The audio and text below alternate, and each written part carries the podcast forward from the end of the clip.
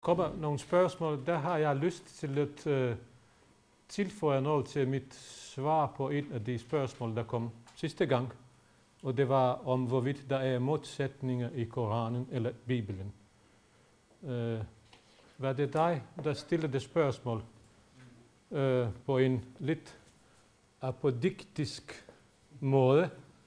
Hvis jeg husker det korrekt, så siger du, i Koranen til forskel fra Bibelen er der modsætninger. Og jeg gik videre uden at e problematisere denne påstand, og så fik jeg spørgsmål om, om jeg mener det samme som du. Det gør jeg ikke, fordi jeg mener, at der er e modsætninger både i Bibelen og Koranen. Og jeg, hvis jeg husker det korrekt, og dette e er optaget på bund, så er det min opgave ikke at fortælle dig, hvor mange modsætninger der er i Bibelen. Det kan du hurtigt finde frem til, men jeg har snakket med mine kolleger, som er bibeleksegeter, og de siger også ja. Øh, der er bibelkritiske tekster, hvor kun i Nye Testamentet finder omkring 200 modsætninger. Det er jo ret interessant. Og så er det folk, som er ekstremt interesseret i at finde Koranens modsætninger. Der finder de også et par hundrede. Og min sag, eller det vigtigste for mig, var, hvordan muslimske teologer og lærte forholder sig til de problemer, som jeg har betegnet som modsætninger. Hvordan prøver de at komme ud af? Min opgave er ikke at rette din øh, øh, holdning til Bibelen, eller at fortælle, hvordan kristne øh, bibeleksegeter kommer ud af det. Så jeg har jo valgt tre eksempler i Koranen, som øh, noget, der kan påvise, hvad handler de modsætninger, og hvordan kommer man ud af det.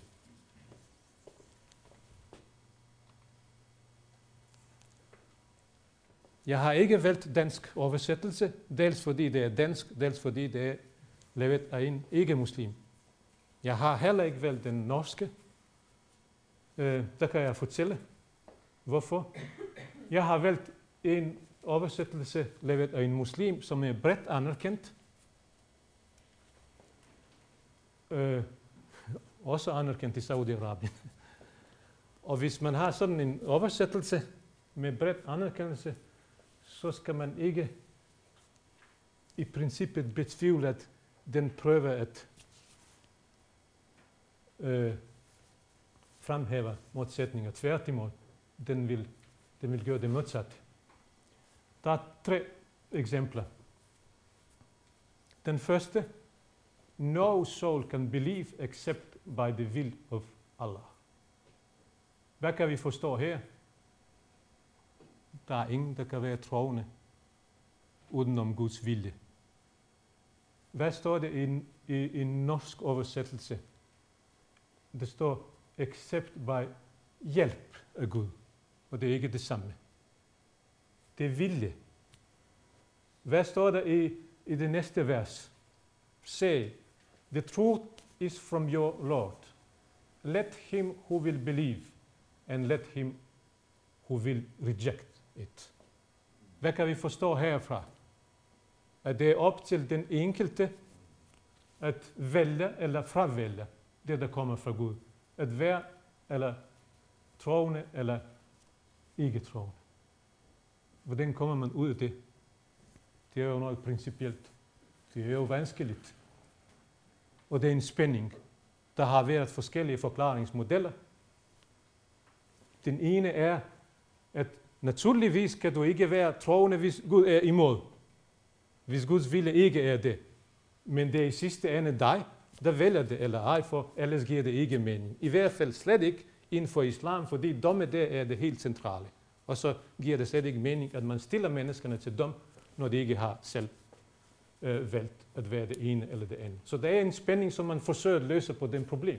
På, på den måde, at det er dig, men du kan ikke gøre, hvis Gud ikke hjælpe dig. Men så bruger man det i en oversættelse, hvilket er ikke den bedste måde. Så hellere fastholde det, der står, og prøve at bruge den spænding som en anledning til diskussion. Øh, et andet eksempel er, og det relaterer, altså begge verser relaterer til Mohammeds øh, diskussion med politister. Med politister. And have patience with what they say and leave them with noble dignity. Vær tålmodig med det, de siger, og forlad dem med dignity. Men så i næste vers står and slay them whatever you catch them, and turn them out from where they have turned you out. Slå dem, hvor du finder dem, og fordrev dem fra de steder, de har fordrevet. Så det er ikke øh, tålmodighed mere. Hvad skal man holde sig til? Nu kan man godt sige, at det er ikke modsætninger, det er bare forskellige. Men det, så er en del af min forklaring. Man kan vælge det at betragte som forskellige kontekst. Lad os gå til det sidste. To you be your way, your religion, and to me mine. For dig din religion, for mig min religion. Religiøs pluralisme. Og det næste. If anyone desires a religion other than Islam, submission to Allah, never will it be accepted of him. Er kun en ægte religion. Hvordan kommer man ud af det? Det er relativt enkelt, nemt. Og Ali indikerer, hvordan Islam betyder her submission to Allah. Allah er arabisk og for Gud. Ifølge Koranen er Adam muslim, Abraham er muslim, Moses og Jesus. Og så er det klart, når man har en Gud, så er det også en religion, som i princippet er ikke andet end monoteisme. Så det er ikke problematisk at forene med, at der kan være forskellige veje. Der kan være forskellige veje. Og det er denne spænding mellem en meget pluralistisk tankegang i Koranen, som var eksplicit i det vers, som vi havde tidligere om sharia, forskellige sharia, og samtidig en meget general uh, tolkning af islam som en monoteistisk religion. Uh, jeg skulle også en forklaring. Sidste gang uh, noterede jeg et navn, Abdenur Bidar, som taler om post-religious islam. Men hvad er islam egentlig i denne forstand? Islam er, eksisterer før Mohammed og efter Mohammed, og endda efter religionen som sådan. Det er meget bredt. Og hvad er Koranen? Der er mange gode introduktioner. Hvis den bog, bog er på 100 sider eller to, jeg vil anbefale den. Den er fra i år, to måneder gammel. What is Islam? The importance of being Islamic. Ekstremt vigtig og relevant. Og her har vi en definition, hvad, hvad betyder det at være islamik, islamisk. Jeg kan ikke citere, men jeg kan parafrasere. Uh, det betyder being hermeneutically engaged with the revelation to Muhammad as pretext, text and context. Being hermeneutically engaged Altså at prøve at engagere sig hermeneutisk i forhold til åbenbaring, som er både pretekst, Koranen som en ikke åbenbaret tekst, Koranen som tekst og kontekst. Alt er en del af åbenbaringen. Så hvis vi kun fokuserer på teksten, som er kanoniseret, så går vi glip af to vigtige aspekter. Den Koranen, som eksisterer før åbenbaring, og, og også kontekst. Og derfra har vi også den diskussion, som vi kan koble til den forelæsning angående hududstraf. Er, det mere forståeligt? Der må jeg også spørge dig. Jeg kan ikke huske navnet, men du stiller et spørgsmål efter forelæsningen.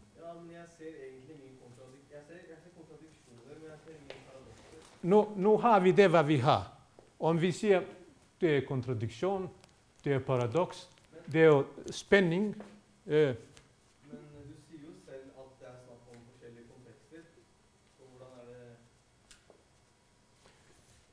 øh, her er det ikke snak om forskellige kontekster, det første. Er det op til den enkelte eller til Gud at blive troende? Eh, men eh, Ja, ganske klart. Uafhængig af kontekst. Hvem bestemmer? Eh, Gud har jo gitt mennesket makten, ikke sant? Og når han bruker den makten, så er det jo Guds makt han egentlig mener.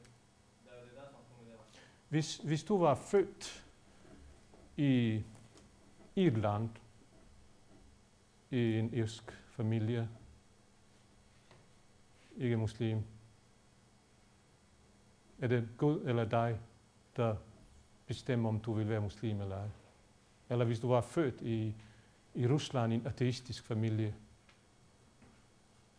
du har magt, den magt, som du taler om.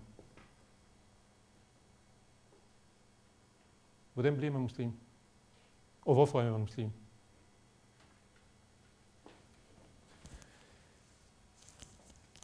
Igen, vi behøver ikke at betegne det som modsætning, hvis I har et bedre forståelse, men jeg skulle påvise, hvad jeg tænker på. Jeg talte om ab- abrogation, fordi vi har jo abrogation, det vil sige, en vers er sat ud af, af gyldighed, af, af Gud selv. Men så har vi kontekster, og så har vi spændinger. Der er mange andre.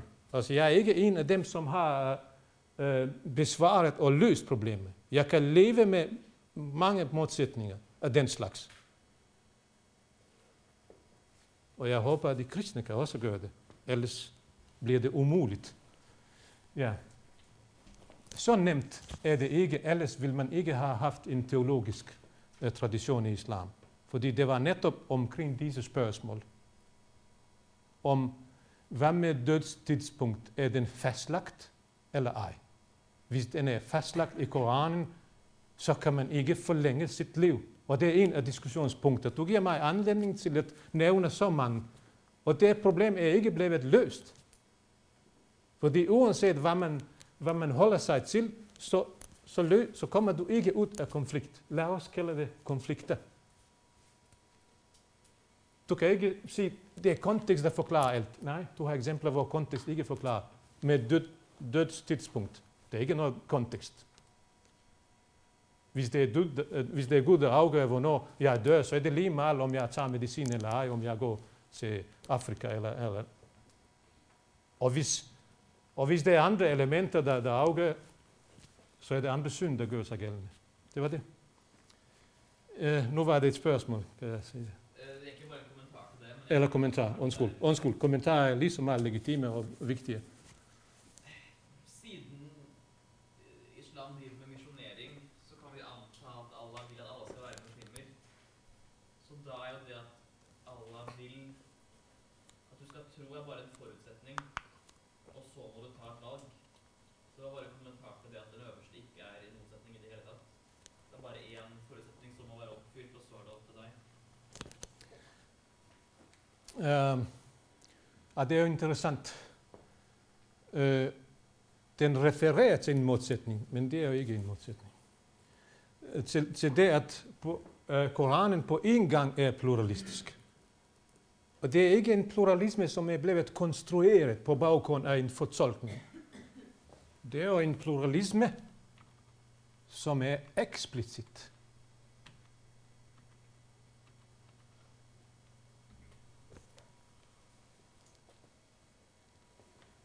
Hvis Gud havde villet, ville han gøre jer til et fællesskab. Men han ville sætte jer på prøve.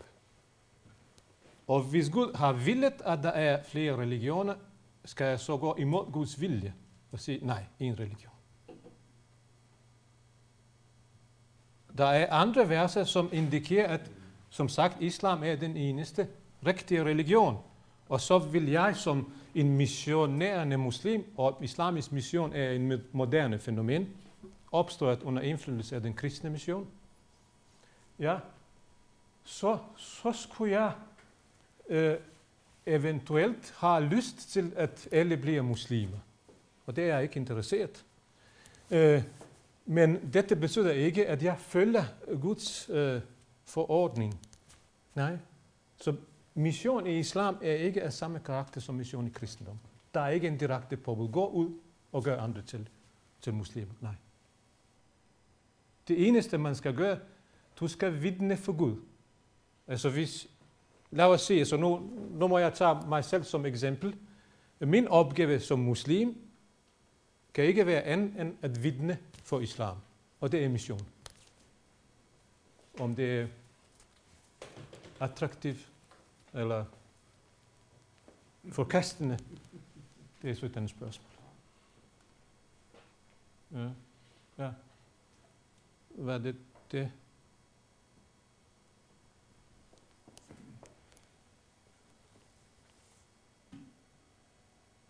Kommentar?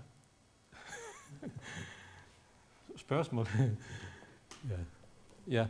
Jeg har ikke kommentar eller egentlig spørsmål, men jeg har en liten refleksjon. og Det går på dette med at uh, vi ser at uh, Og du viser jo til det i den uh, hva islam er i den boken. Nettopp at det dreier seg om tekst, det dreier seg om fortolkning, og det dreier seg om en kontekst. Og jeg føler på mange måter at dette er jo noe av det man også har sett i en del ny, ny teori, kunnskaps- og vitenskapsteori i den vestlige tradisjonen også. Hvor vi ser det at man fra den klassiske vitenskapsteorien nå beveger seg stadig mer mot det man definerer som kunnskapsteori. Fordi at man indikerer også mye større grad hermeneutikken og fortolkningen, og ikke bare det rent empiriske tenkningen. Og jeg føler på mange måter at det er mye av motsetningsforholdene vi i dag står overfor. Det er fordi at man ikke har en felles akademisk skole å forholde Mm, seg til. Mm, mm, mm. Ja, det var et spørgsmål om, om, om, for, om fortolkningen af, lad os sige, åbenbaring eller tekster Mm. i, i, i, i kontekst, og hvor vigtigt, jeg gentager lidt Ja, ja. af det, fordi Ja. alle har kanskje ikke hørt, om hvor vigtigt det er, at man har øh, et samarbejde eller fælles arena, hvor man tolker teksterne. Det er vigtigt. Her på teologi, der har vi Oddbjørn og andre, som er engageret i interreligious theology. Ja. Eh, øh, tekstkritik er, er et af de kernepunkter, altså bibelkritik, hvor lang er den tradition? 200 år? ja. Ja. Hvordan er den blevet øh, etableret? Jamen, der er seriøse studier, som siger, at en vigtig motivation eller anledning til er muslimerne. Og tekstkritik er ikke ukendt i islam. Absolut ikke. Det er ikke noget, man skal starte nu. Nej. Tekstkritik i forhold til hadith, men også i forhold til Koranen, er et område, som man har arbejdet i mange, mange år. Og det er jo, men islamhistorie er ikke bare de sidste øh, 60 år siden befrielse fra koloni og siden islamisterne og øh, fundamentalisternes genkomst. Nej, og det er i den tid, hvor man absolut ikke ønsker at fortolke. Der er jo et kernepunkt, som er meget vigtigt, hvor muslimerne er mere sensitive, når det gælder tekstkritik. De har jo haft tekstkritik, men de reagerer meget imod, når ydre, når, når tanker kommer fra, øh, fra outside. Hvorfor? Fordi Koranen har ikke samme status som Bibelen i kristendom. Koranen identificeres med åbenbaring. Parallelt til Koranen er Jesus. Og så giver det ikke mening at stille spørgsmål. Kan muslimerne være på samme måde kritiske til deres tekst, som vi er kritiske til? Nej, det kan det ikke. Som Søren Kierkegaard sagde, at krist, kristendom kan udmærket eksistere udenom Bibelen. Det er Jesus. Og så kan man også sige, at islam kan udmærket eksistere meget radikalt, også udenom Mohammed, fordi islam eksisterede allerede fra, fra Adam, men ikke udenom ombaring. Og hvis du siger, kan du så være fra muslimernes side, kan de kristne ikke være så kritiske i forhold til Jesus, som vi er kritiske i forhold til Mohammed? Og det er det faktisk. Han er bare et menneske, fejlbarlig, og han har bedt Gud om tilgivelse. Hvorfor har de øh, øh, udformet en teologi, som gør et menneske til Gud? Det er totalt ufornuftigt. Så det giver jo ikke mening at stille disse øh, spørgsmål. Men det er vigtigt, at vi har paralleller, ikke forkerte. Altså Bibelen kan heller sættes i, som en parallel i forhold til hadis og leveringer, som nogle muslimer mener, de er autentiske, de er Gud, in, Guds inspirerende. Men det er overleveringer, som er i en senere periode blevet kanoniseret og skrevet. Men sprogliggørelse af åbenbaring i form af bogen i islam, eller, eller Guds ord i form af mennesket, det er to paralleller. Og det er meget vigtigt, når vi snakker om kritik og tolkning. Tolkning indebærer, at vi har de rette, de rette paralleller. Ja. Ja, Mohammed kan så sammenlignes med, med, med uh, Maria, som føder Jesus. Mohammed føder øh, Koranen. Det er gennem ham, hans mund og gennem hans bevidsthed, Koranen kommer ud. Så det er de paralleller. Ikke Mohammed og, og Jesus. Jesus er Gud, Mohammed er menneske. Og så Koranen som guddommelig åbenbaring, og Bibelen som, som en øh, øh, ja, overlevering om Gud, eller tale på Guds vegne, hvis vi tager Gamle Testament.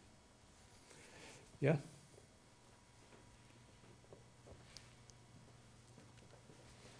Nå gjelder det ikke å være sky. Noen flere spørsmål, kommentarer, refleksjoner? Det er jo veldig mange flere typer spørsmål som også er Da- adressert i løpet av dagen i dag.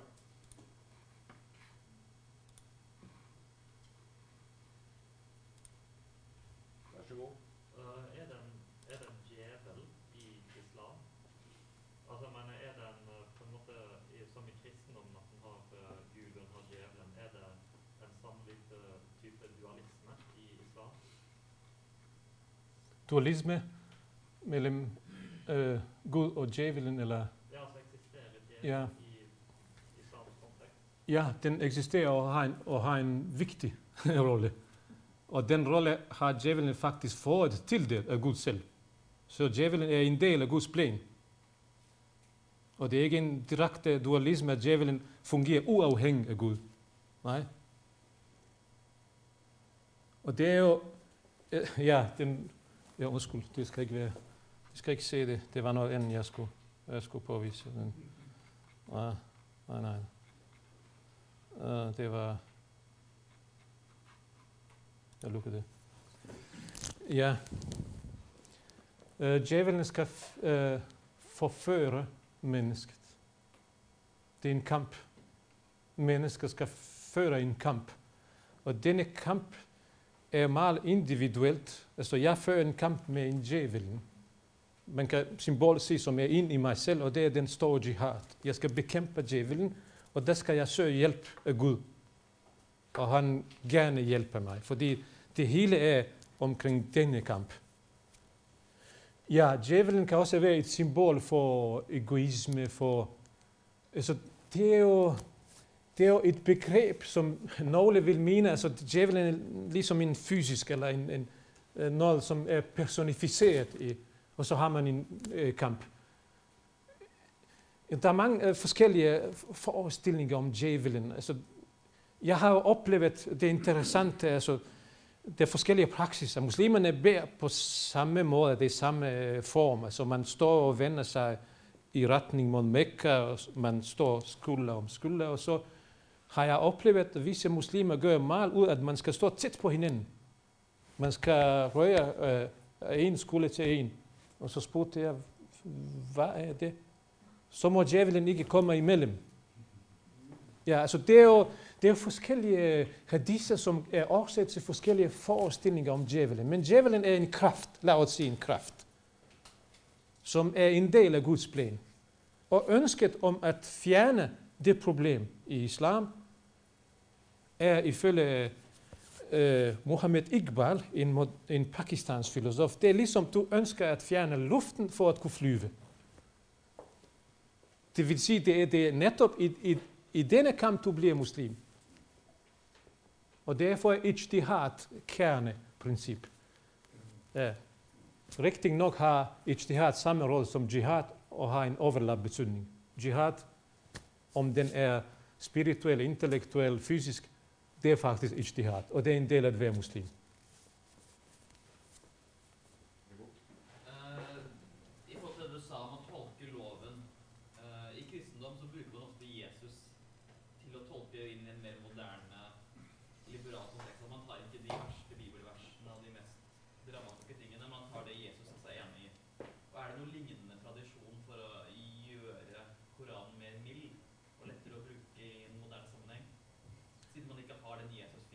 Ja, men så spørger man, er det ikke en misfortolkning? Hvorfor vælger du de, de milde, de fine, de liberale, de tolerante dele af Koranen? Hvorfor ikke de radikale, eksklusive? Der er en tradition. Den tradition kommer ikke nemt frem i Vesten. Fordi der er en uprincipiel alliance mellem islamkritikere og fundamentalister. Begge er optaget af de problematiske verser, og hver gang, når du kommer med noget andet, så siger du, det er ikke det. Vi, vil- vi er interesseret i det, hvor, hvor dødstraf legitimeres. Det er det, vi er interesseret. Er der en tradition? Det var ligesom, øh, det var det, jeg, jeg søgte. Fordi jeg har en, øh, en præsentation med årstal, hvornår disse straffe blev indført i enkelte lande. Og det var i 70'erne og 80'erne. Og det er 6-7 lande. 1970? Ja, ja, ok. Ja, er det, er det ok, at jeg prøver at finde den? Ja, hvis du greier det. Ja, det gør jeg. Og så, og så- ja, ud fra det vil jeg sige, det er meget moderne, at man genindfører de straffeformer. Det er jo faktisk noget moderne, som man har i lang periode diskuteret og afskaffet. Det første eksempel, ja, undskyld, lad os, øh, I har hørt om Tariq Ramadan. En øh, ja, founder of European Islam. Liberal, fransk, svejtisk uh, eh, professor ved Oxford, kendt i, i Norge, besøgte Norge flere gange. Og han er blevet meget populær og interessant i Vesten, selv i, i, i vestlige akademier, fordi han, han uh, skrev en uh, appel om moratorium for hududstraffe. En midlertidig afskaffelse af straf. Og hans hovedargument er, at disse straffe, de rammer de svage. Og derfor må vi i en tid, hvor vi diskuterer formålet med disse straffe, sætte disse regler ud af kraft. Og så siger de, det er virkelig flot. Man glemmer, at anden kalif, fem år efter Mohammeds død, afskaffede blank en hård straf, og det var håndsafhugning. Og det er ikke en straf, som er blevet formuleret på baggrund af fortolkning af Koranen, men en af de straffe, som er direkte anført i Koranen. Direkte. Og hans argument var ikke, at det er fordi, det rammer jo, det er, det er ikke forsvarligt, vi har en vestlig kontekst. Nej, intet. Han sagde, meget enkelt, det er fordi, vi har sultne mennesker i vores kalifat. Og der er risiko, at de vil stjæle noget for at spise. Vi straffer ikke dem. Og så afs, øh, afskærer straffen som sådan. Man behøver ikke at vente Tarek Ramadan i, i, i, i 1990 for at foreslå en midlertidig. Altså, historien kender for total afskaffelse. Og det nye er, at, at enkelte lande, som har genindført disse straffe, og derfor hører vi om mange steninger, øh, dødstraffer og den slags. Fordi vi husker jo den sidste historie, 30-40 år, og det er præcis den historie og den tid, hvor vi har genindførelse af hududstraffe. Jeg behøver ikke at, eller jeg har, jeg har en forelæsning om det. Jeg er ikke ekspert i sharia, men jeg kender, hvornår, hvornår disse straffe er indført i Nigeria og Saudi-Arabien og, og Pakistan og, og Iran. Og det, det er i den moderne tid. Ja. Det er for 30 eller 40 år siden. Og derfor er de blevet aktuelle.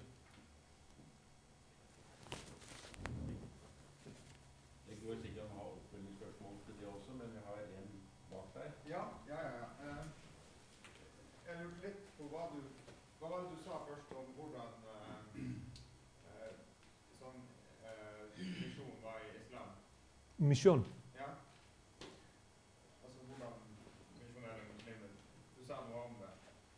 Der er muslimer, som efterligner kristne missionærer og gør det samme. Mm. Det er jo et moderne fænomen, og det er ikke den mest udbredte øh, øh, missionsform.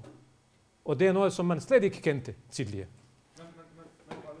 Jeg siger, at mission er vidnesbyrd. Du vidner for din religion. Og det er mission. Og det er den klassiske, og det er den teologiske form for mission. Andre former kendes ikke i islam i den klassiske del. Ja. Og så vil jeg også stille dig spørgsmål for at afklare det, hvad du siger. Nu. Ja. ja. Hvad er forskellen på det og sådan som kristenmissionen? Øhm, enorm, enorm forskel. Jeg behøver ikke at lytte til sidst. Øh, fordi jeg, jeg går ikke ud og gør andre til muslimer. Nej. Nej. Jeg fungerer som muslim, og det er et vidnesbyrd. Ja. Intet mere. Ej, man rejser ikke i et land for at iværksætte aktiviteter og prøve at overbevise. Nej. Vidnesbyrd er, at du fungerer som muslim. Du går ind, du går ikke ind. Altså, jeg, man prøver ikke at overbevise hinanden, at man har en rigtig religion. Det er det. Nei, men, tror på. Ja, dawa. Det moderne dawa. Igen, en total fokusering på, på de sidste øh, 50 års øh, øh, historie. Ja, ja, det er dawa. At gøre øh, andre bekendte med, med islams lære. Øh, det er jo et punkt, som jeg har beskæftiget mig lidt med. Jeg har registreret flere end 30 steder i Koranen, hvor Gud siger til Mohammed, du kan ikke gøre noget selv. Du kan ikke missionere.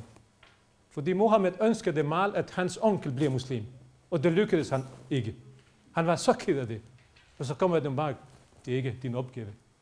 Og når Mohammed ikke har den opgave og har ikke den magt, tror du, at jeg som muslim skal gå og gøre andre til muslimer? Nej. Nej.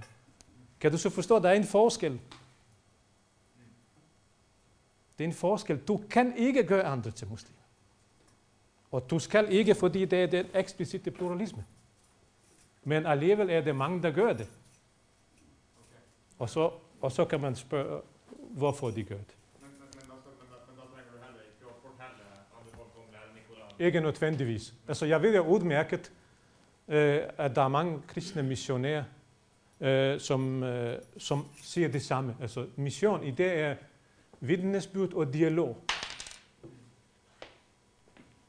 Og så kan det være skjulte eller ikke skjulte dagsordner i dialog og forskellige ting. Altså, øh, med at være en del af det teologiske fakultet, jeg arbejdede i København i 13 år på teologi, har været hele tiden med kristne teologer, og har valgt at gennemgå et kursus, øh, hvordan man missionerer blandt muslimer. Og jeg har hørt at de forskellige ting, hvordan man gør det. Så kender lidt også indefra. Ja. Hvordan kristne Hvordan kristne missionerer blandt muslimer. Hvad skal de tage udgangspunkt? Så jeg har været med til det kursus af min interesse og nysgerrighed for at sige. Ja. Jeg mener stadig, at det er en grundforskel mellem kristen og islamisk mission. Og du kan sikkert høre mange muslimer, som, som er uenige med mig. Ja. Og jeg tager diskussionen op gerne. Så jeg tror at du har ret i det. Altså Det findes jo en sånn såkalt eksplisitt misjonsbefaling i den kristne eh, eller i kristendommen. Mm. Så kan man alltid si at det, kan gjøres på forskjellige typer måter, inkludert det samme som Ja. altså et vitnesbyrd Vit- eller leder ja, som et præcis. eksempel, Ja, etc. ja, Men den er eksplisitt, Den er eksplicit. og det er den ikke i, eh, i islam. Nej, den er ikke. Tværtimod, den går i strid med det, der er. Ja. Og, og med det, som Gud befaler Muhammed. Ja. Jeg kan få lov til at slutte med en vittighed. Ja, det det, det er ikke en vittighed, det er en sand historie. En, en, en af de mest kendte moderne bosniske digter, navnet er Musa Čatic. Han var en lært. Han talte persisk, arabisk, tysk, tyrkisk. Han, han havde en alim, som lærte ham om islam om at være god muslim. Men Musa, han drak så meget alkohol. Og en dag tidligt om morgen, så mødes imamen og Musa på vejen. Imamen går til moskeen for morgens bøn, og Musa kommer hjem fra, fra krø, eller det, hvor man drikker hele natten. Og så Musa er ved at falde på jorden, og imamen siger, åh, stakkels Musa, har jeg ikke lært, har jeg ikke brugt 20 år for at lære dig, hvordan du skal være som muslim? Og hvad svarer Musa? Musa siger, Den, der er vejledt af Gud, er ligesom dig. Den, der er vejledt af dig, er ligesom mig. Så du har nok haft en mission, men... ja. Kan vi slutte? Vi får ta med oss det videre. Tusen takk, Samuel. Ja. Velkommen.